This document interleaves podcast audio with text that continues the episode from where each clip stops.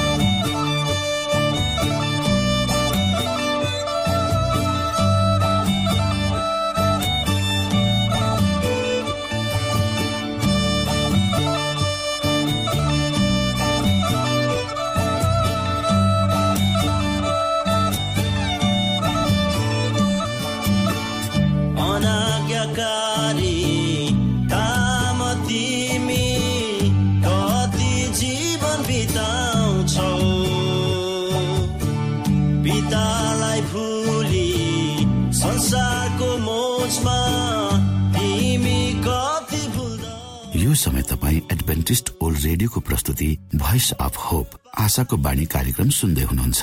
श्रोता मित्र यो समय हामी पास्टर उमेश पोखरेलबाट आजको बाइबल सन्देश सुन्नेछौ। श्रोता साथी न्यानो क्रिस्टियो अभिवादन। म तपाईँको आफ्नै आफन्त अर्थात् पास्टर उमेश पोखरेल परमेश्वरको वचन लिएर यो रेडियो कार्यक्रम मार्फत पुनः तपाईँहरूको बिचमा उपस्थित भएको छु। मलाई आशा छ तपाईँले हाम्रा कार्यक्रमहरू नियमित रूपमा सुन्दै हुनुहुन्छ र परमेश्वरका प्रशस्त आशिषहरू प्राप्त गर्दै हुनुहुन्छ। आजको प्रस्तुतिलाई सुरु गर्नुभन्दा पहिले आउनुहोस् हामी परमेश्वरमा अगुवाईको लागि बिन्ती राख्नेछौँ। जीवी जिउँदो महान दयालु परमेश्वर प्रभु हामी धन्यवादी छौँ। यो जीवन र जीवनमा दिनुभएका प्रशस्त आशिषहरूको लागि। प्रभु यो रेडियो कार्यक्रमलाई म तपाईँको हातमा राख्दछु। यसलाई तपाईँको राज्य र महिमाको प्रचारको खातिर प्रयोग गर्नुहोस्। यसबाट धेरै मानिसहरूले तपाईँलाई तपाईँको ज्योतिलाई चिन्न सक्नुहोस् तपाईँको राज्यमा प्रवेश गर्न सक्नुहोस्। सबै बिन्ती प्रभु यीशुको नाम। आमेन।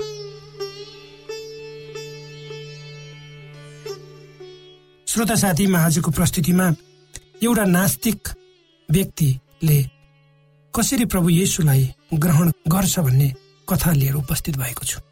बाल्यकालमा मैले कुनै धार्मिक शिक्षा पाइनँ। मेरो पालन पोषण एउटा यस्तो परिवारमा भयो जहाँ कुनै धर्मलाई मान्यता दिइँदैन थियो औ चौध वर्षको उमेरमा म एउटा कट्टर नास्तिक भइसकेको थिएँ। यो मेरो बाल्य अवस्थाको नमिठो अनुभवको फल थियो। जन्मपछि म चाँडै टुरो भएँ अनि पहिलो विश्व महायुद्धका कठिन परिस्थितिहरूमा का माझमा मैले दरिद्रता के हो पुरा अनुभव गरेँ।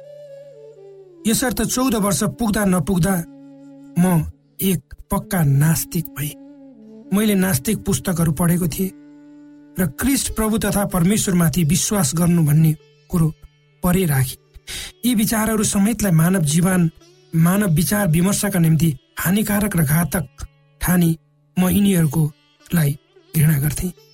यसरी धर्मप्रति घोर अरुचि तथा विरोध मनमा राखी म ठुलो भए। मैले बुझ्न नसक्ने कारणहरू तथा अभिप्रायले परमेश्वरले अनुग्रह गरी मलाई सुन्नुभयो। यो मलाई पछिबाट थाहा भयो। ती कारणहरू मेरो चरित्रको विषयमा केही सम्बन्ध ती कारणहरूको मेरो चरित्रको विषयमा केही सम्बन्ध ती कारणहरूको मेरो चरित्रको विषयमा कुनै सम्बन्ध थिएन। कारण म अति नै दुष्ट थिएँ। म नास्तिक भए तापनि गिर्जाघर वा सेवालयहरूतिर म बिना कारण त्यसै आकर्षित हुन्थे। कुनै सेवालयको छेउबाट भएर जानु पर्दा त्यहाँभित्र नपसी जानु मलाई निकै चर्को पर्थ्यो। सेवालयहरूभित्र के हुन्छ तथा त्यहाँभित्र भएका स्तुति पाठ आराधनाहरू म अलिकति पनि बुझ्दिन थिएँ। मैले उपदेशहरू सुन्थे तर तिनीहरूले मेरो हृदय मनमा केही असर गर्दैनथे परमेश्वर छैन भन्ने मेरो विचार निश्चित थियो। परमेश्वरको अराई खटाईमा हिँड्नु पर्ने हुनाले परमेश्वर सर्वस्व हुनुहुन्छ भन्ने धारणालाई म घृणा गर्थे। तर मेरो मनभित्रको परमेश्वर सम्बन्धी मूलधार तर मेरो मनभित्रको परमेश्वर सम्बन्धीको सम्बन्धी मूल धारणासित म असन्तुष्ट थिएँ। बाल्यकाल र तरुण अवस्थामा मैले सुख र प्रेम नपाएकोले विश्वको कुनै स्थानमा मलाई प्रेम गर्ने एउटा हृदय मेरो निम्ति खटिरहेको जस्तो लाग्दथ्यो अनि त्यसको प्रतीक्षामा म तडपिरहेको थिएँ। परमेश्वर छैन भनी म जान्दथेँ अनि यस्तो प्रेमको परमेश्वर छैन भन्दा मलाई ठुलो दुःख लाग्थ्यो। एक दिन मेरो अन्तस्करणमा एउटा भयानक द्वन्द मचिएको बेला म र एउटा रोमन क्याथोलिक गिर्जाघरमा एक दिन म मेरो एक दिन मेरो अन्तस्करणमा एउटा भयानक द्वन्द मचिएको बेला म एउटा रोमन क्याथोलिक गिर्जाघरमा पसेँ। त्यहाँभित्र मैले धेरै व्यक्तिहरूलाई घुँडा टेकी केही बोल्दै गरेको देखेँ। तिनीहरू जस्तै छेउमा घुँडा टेकी तिनीहरू बोलेको सुन्न र प्रार्थनाहरू तिनीहरूका पछि पछि भन्ने र नतिजा हेर्ने मलाई विचार भयो।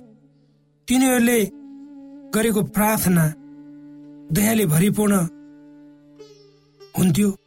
तिनीहरूका पछि पछि म पनि म ती शब्दहरू दोहोऱ्याउँदै जान्थे। एक दिन म एउटा पक्का नास्तिक हुँदाहुँदै पनि मैले परमेश्वरलाई यस प्रकारको प्रार्थना गरे हे परमेश्वर तपाईँ हुनु हुँदैन भने मलाई पक्का थाहा छ। संयोगवश तपाईँ हुनुहुन्छ। भने म भन्छु तपाईँमाथि विश्वास गर्ने कर्तव्य मेरो होइन तर तपाईँको आफूलाई प्रकट गरी बक्सने कर्तव्य तपाईँको। म नास्तिक थिएँ तर नास्तिकवादले मेरो मनमा शान्ति भएन। मेरो मनभित्रको यो घोर अशान्ति र सङ्घर्षको समयमा मेरो देश रुमानियाको एउटा पहाडी गाउँमा एउटा वृद्ध सिकर्मीले यस प्रकारको प्रार्थना गरे। हे पिता मैले तपाईँको सेवा यो जगतमा गरेको छु अनि त्यसको प्रतिफल म स्वर्ग र पृथ्वी दुवै स्थानमा पाउने इच्छा राख्दछु। पुरस्कार स्वरूप मेरो मरणको अघि म एउटा यहुदी आत्मालाई तपाईँकामा ल्याउन चाहन्छु। किनभने हामीहरूका प्रभु क्रिस्ट पनि यहुदी हुनुहुन्थ्यो। म गरिब छु र वृद्ध र बिमार पनि छु। औ यो गाउँमा कुनै यहुदी छैन। म यहुदी व्यक्ति खोज्न कतैतिर जान पनि सक्दिनँ। दया गरी तपाईँले कुनै एउटा यहुदीलाई यो गाउँमा पठाइदिनुहोस्। म त्यसलाई प्रभुमा ल्याउन प्रयत्न गर्नेछु। मलाई त्यस गाउँमा कुनै अपरिचित व्यक्तिले खिचेर पुर्यायो। त्यहाँ मेरो केही त्यहाँ मेरो केही काम थिएन। रोमानिया देशमा बाह्र हजार गाउँहरू छन् तर मलाई त्यही गाउँमा पुग्नु पर्यो। त्यो वृद्ध सिकर्मीले मलाई यहुदी भनेर चिनेर मसित बडो खातिर र प्रेमपूर्वक वार्तालाप गरे। तिनले ममा आफ्नो प्रार्थनाको प्रत्यक्ष उत्तर पाए अनि मलाई एउटा बाइबल पढ्न दिए। मेरो आफ्नै सांस्कृतिक अभिरुचिले गर्दा मैले धेरैपल्ट बाइबल पढेको थिएँ। तर त्यो बाजेले दिनुभएको बाइबल एउटा अर्कै अर्को किसिमको बाइबल थियो। बाजे र बजै बजैले म र मेरी धर्मपतिको मन परिवर्तनको निमित्त त्यहाँ तथा हामीलाई प्रभु मसिहमा ल्याउनलाई दिनौँ धेरै समय प्रार्थनामा बिताउँथे। भनी यो त्यो बाजेले मलाई पछिबाट बताउनु भयो। तिनीहरूले मलाई पढ्न दिएको बाइबल केवल अक्षरले मात्र होइन तर प्रार्थनाको शक्तिमा प्रेमका ज्वालाहरू लेखिएका थिए। म त्यो बाइबललाई मुस्किलले पढ्न सक्थे औ पढ्दा म रुन लाग्थे। म आफ्नो जीवन प्रभु येसुको जीवनसित तुलना गर्थे। उहाँ कति पवित्र र कति उहाँ कति पवित्र र म कति घिन लाग्दो थिएँ। उहाँको हृदय प्रेमले अनि मेरो मेरो घृणाले भरिएको थियो तरै पनि उहाँले मलाई ग्रहण गर्नुभयो अनि आफ्नो बनाउनु भयो। मेरी श्रीमती मेरो पछि चाँडै प्रभु येसुलाई आफ्नो उद्धारकर्ता भने मेरो श्रीमतीले म पछि चाँडै प्रभुलाई यसु प्रभु येसुलाई आफ्नो उद्धारकर्ता भनी ग्रहण गरिन्। उनले धेरै व्यक्तिहरूलाई प्रभुमा ल्याइन्। ती बचाइएका आत्माहरूले अझ अरू आत्माहरू बचाए अनि यस प्रकारले रुमानिया देशमा एउटा नयाँ मण्डलीको स्थापना भयो। त्यसपछि रुमानिया देशमा नाजीहरूको समय आयो अनि देशको समस्त अधिकार तिनीहरूको हातमा पर्यो। नाजीवादले एउटा निष्ठुर नाजीवादले एउटा निष्ठुर उग्र तानासाहीको रूप लियो अनि इसाई यौदीहरूको र अनि इसाई र यौदीहरूको खेदो हुन थाल्यो। हामीहरूको भाग्यमा भयङ्कर दुःख यातना लेखिएको थियो। धर्म सेवाको निम्ति तयार हुनको अघि धर्म सेवाको निम्ति तयार हुनु अघि तथा विधि अनुसार मेरो अभिषेक हुनको अघिबाटै स्थापकको हैसियतले म त्यो मण्डलीको अगुवा समान थिएँ। म त्यसको उत्तरदायी व्यक्ति थिएँ। म धेरैपल्ट म र मेरो श्रीमतीलाई पुलिसले पक्रे कुटपिट गरे। नाजी न्यायाधीशहरूको अघि उभ्याए। नाजी अत्याचार कम थिएन तर भविष्यमा आइपर्ने आतंकहरूको तुलना त्यो केही पनि थिए मेरो पछि मेरो छोरो मिहाईलाई मृत्युदेखि बचाउनलाई एउटा गैर यौदी नाउँ मैले हामीले लिनु पर्यो। नाजीकाल परीक्षण रूपमा हाम्रो निम्ति लाभदायक सिद्ध भयो। शारीरिक कष्ट पीडा तथा कुटपिट सहन सकिन्छ अनि मानव आत्मा परमेश्वरको सहायताले भयङ्कर सङ्कटबाट गुज्रे तापनि जीवित रूपमा विजय हुन सक्छ भन्ने कुरा त्यसले हामीलाई सिकायो। त्यसबाहेक हामीहरूलाई गुप्त मसीय सेवा कार्यको तरिका पनि सिकायो वास्तवमा त्यो भविष्यमा आउने बेला अझ डरलाग्दो अग्नि परीक्षा जसको माझमा हामीहरू अहिले परेका छौँ त्यसको निम्ति हामीलाई तयार बनायो नास्तिक जीवन व्यथित गरेको अनुपातले प्रभु मसिहलाई ग्रहण गरेको दिनदेखि नै रुसीहरूलाई प्रभुको सुसमाचार प्रचार गर्न अनि उहाँको गवाई दिन मेरो हार्दिक इच्छा थियो। बाल्य अवस्थादेखि नै रुसी जाति नास्तिकवादमा हुर्केका जाति थिउन्। उनीहरूलाई सुसमाचार प्रचार गर्ने मेरो मनोरथ नाजी कालमा नै पूर्ण हुन थाल्यो। रोमानियामा हजारौं रुसीवासीहरूलाई लडाईँमा बन्दी बनाइ ल्याइयो अनि तब तिनीहरूको माझमा हामीले हामीहरूले इसाई सेवा कार्य गर्ने मौका पायौँ। यो एउटा आश्चर्यजनक परिवर्तनशील सेवा थियो। एउटा रुसी कैदीसित मेरो पहिलो आकस्मिक भेट। भयो त्यसलाई म कहिले पनि बिर्सिन सक्दिनँ। ऊ एउटा इन्जिनियर हो भनी उसले मलाई भन्यो मैले उसलाई तिमी परमेश्वरमा विश्वास गर्छौ? भनी प्रश्न गरे उसले गर्दिन भनेको भए मलाई उति मनमा लाग्ने थिएन। प्रत्येक मानिसको परमेश्वरमाथि विश्वास गर्नु वा नगर्नु आफ्नो खुसी हो। तर परमेश्वरमाथि विश्वास गर्छु भन्ने प्रश्नमा उसले केही नबुझेको झै मपट्टि हेऱ्यो र भन्यो विश्वास गर्न भने मैले केही यस्तो फौजी आज्ञा पाएको छैन। आज्ञा पाए म विश्वास गर्नेछु। मेरो आँखाबाट आँसु बहन लागे। मेरो हृदय एकदम दुखित भयो। यहाँ मेरो अघि एउटा यस्तो मानिस उभिएको थियो जसको बुद्धि र सम्झने शक्ति मरिसकेको थियो। परमेश्वरले दिनुभएको सर्वश्रेष्ठ ज्ञान अर्थात् ऊ एउटा विशेष व्यक्ति म एउटा विशेष व्यक्ति हुँ भन्ने कुरा उसले गुमाएको थियो। किनकि त्यति बेलाको शासन व्यवस्थाले उसको मगजलाई नष्ट बनाइसकेको थियो। र उसले ऊ के गर्थ्यो भन्दा उसलाई जे आज्ञा गर्थ्यो त्यही उसले गर्नु पर्थ्यो ऊ आफैले केही सम्झँदैन थियो ऊ केही विचार पनि गर्दैन थियो र त्यति बेलाको शासन व्यवस्था एउटा नमुना थियो। र श्रोता तेइस अगस्त उन्नाइस सय चौवालिस सालदेखि सुरु भएको रुसी फौजका दसौं लाख सिपाहीहरू रोमानियामा पसे अनि चाँडै नै कम्युनिस्टहरूले हाम्रो देशको शासनको बागडोर आफ्नो हातमा लिए। तर देशमा यो राति एठन परे जस्तै विकट अवस्थाको त्रास उब्जाउने समय सुरु भयो जसको सामु नाजी कालका यन्त्रणहरू मामुली देखिन्थे। परमेश्वरको अघि मानिस केवल व्यक्तिगत पापहरूका लागि मात्र होइन तर आफ्ना राष्ट्रका राष्ट्रहरूका पापको निम्ति पनि उत्तरदायी हुनुपर्छ। अमेरिकनहरूले नजानिकन रुसीहरूलाई सहायता गर्दा हामीहरूका देशहरूमा रगतका खोला भएका बगेको र हत्या र आतंकको साम्राज्य स्थापित भएको अमेरिकन जनतालाई थाहा हुनुपर्छ। थियो यी पराधीन जातिहरूलाई प्रभु क्रिस्टको ज्योतिमा ल्याउन हामीले भर मजदुर प्रयत्न गर्यौं श्रोता भर्खरै यहाँले पास्टर उमेश पोखरेलबाट बाइबल वचन सुन्नुभयो। यो समय तपाईँ एडभेन्टिस्ट ओल्ड रेडियोको प्रस्तुति भोइस अफ होप आशाको बाणी कार्यक्रम सुन्दै हुनुहुन्छ। कार्यक्रम सुनेर बस्नुहुने सबै श्रोतालाई हामी हाम्रो कार्यक्रममा स्वागत गर्न चाहन्छौ। श्रोता मित्र यदि तपाईँ जीवनदेखि हरेस खानु भएको छ तपाईँका जीवनमा धेरै अनुत्तरित प्रश्नहरू छन् भने आउनुहोस् हामी तपाईँलाई परमेश्वरको ज्योतिमा डोहोर्याउन चाहन्छौ। र तपाईँ आफ्नो जीवनका चिन्ता फिक्रीबाट निश्चिन्त हुनुहोस् र बाँच्नुको आनन्द परमेश्वरको सामिप्यमा कति मिठो हुन्छ त्यो चाख्नुहोस् भनी हामी चाहन्छौँ। श्रोता यदि तपाईँ आशाको बाणी कार्यक्रमलाई अनलाइन सुन्न चाहनुहुन्छ वा डाउनलोड गर्न चाहनुहुन्छ भने ओआरजीमा जानुहोस्। त्यहाँ तपाईँले प्रत्येक दिनको कार्यक्रम सुन्न र डाउनलोड गर्न सक्नुहुनेछ। हाम्रो वेब पेज यस प्रकार छ डब्लु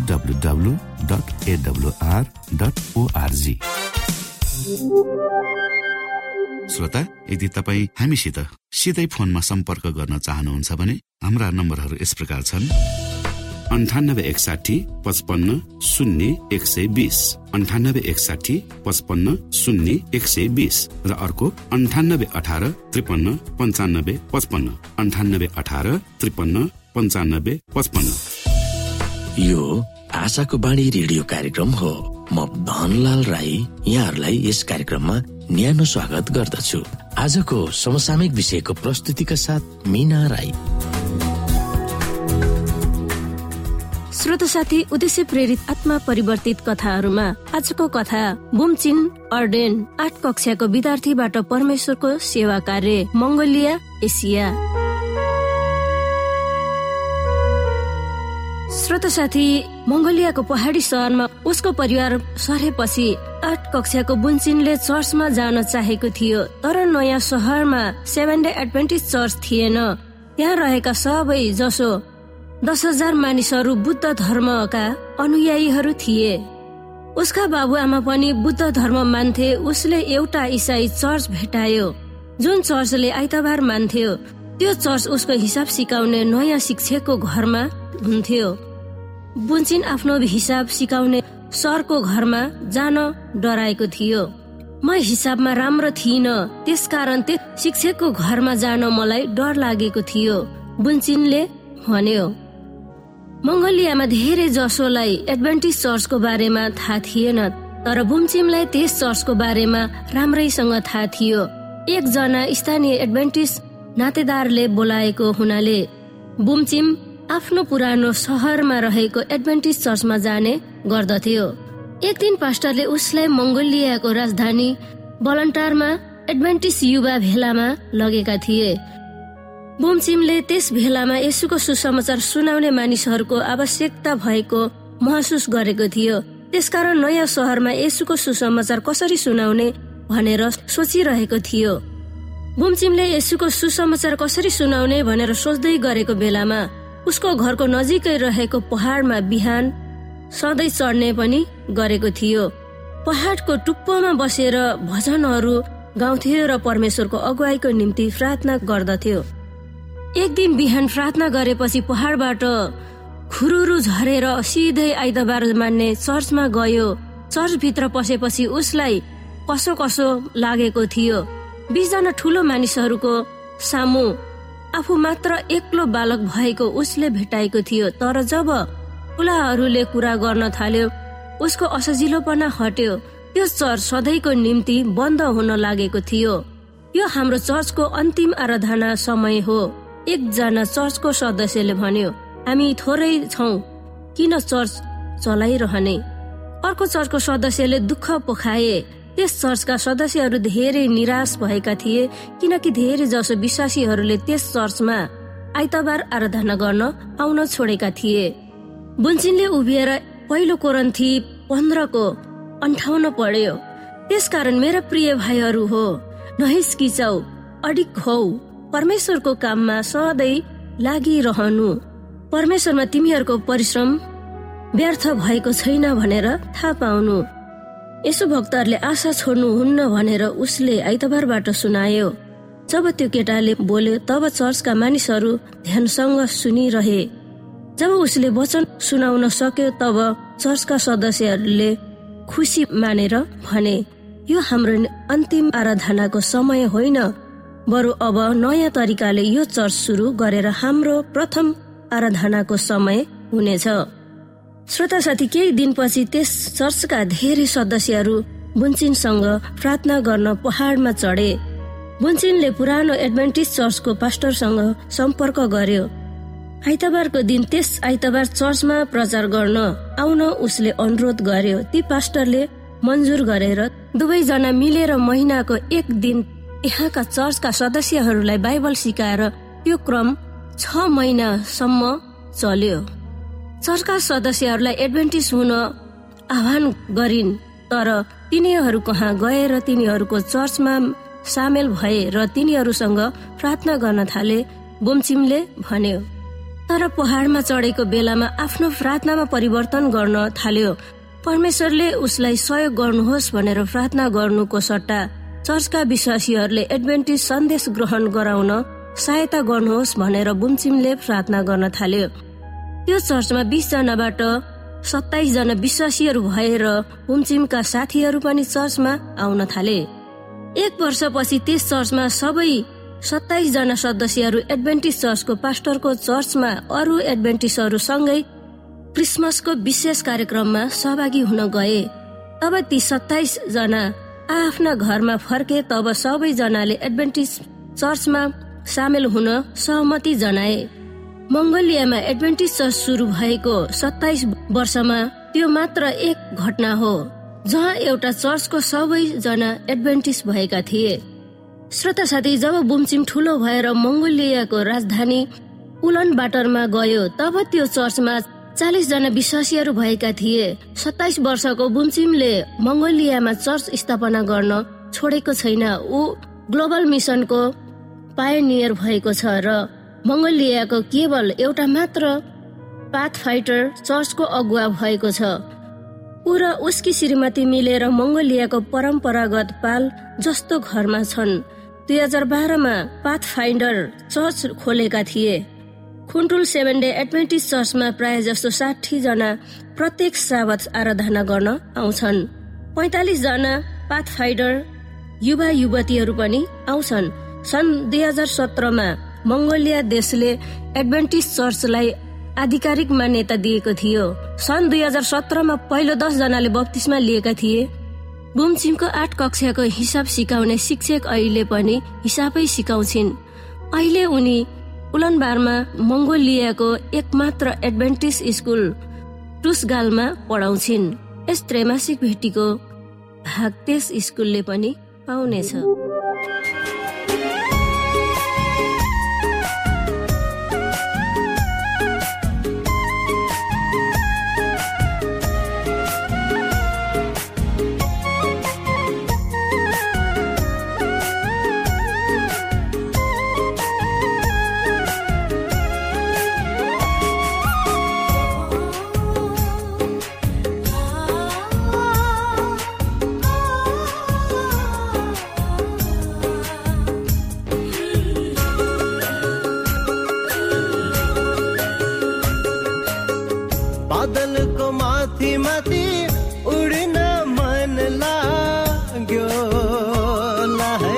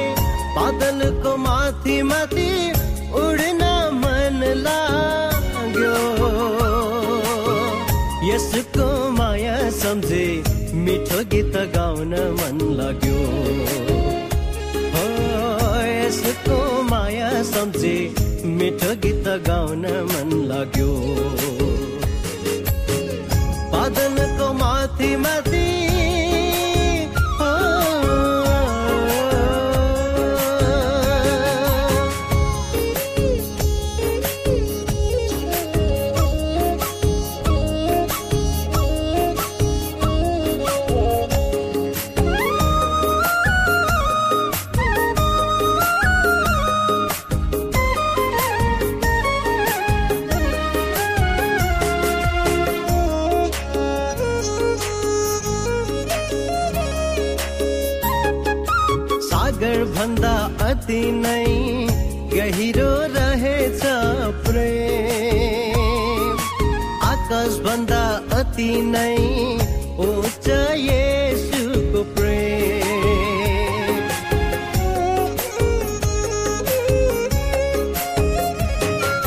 सागर भन्दा अति नै गहिरो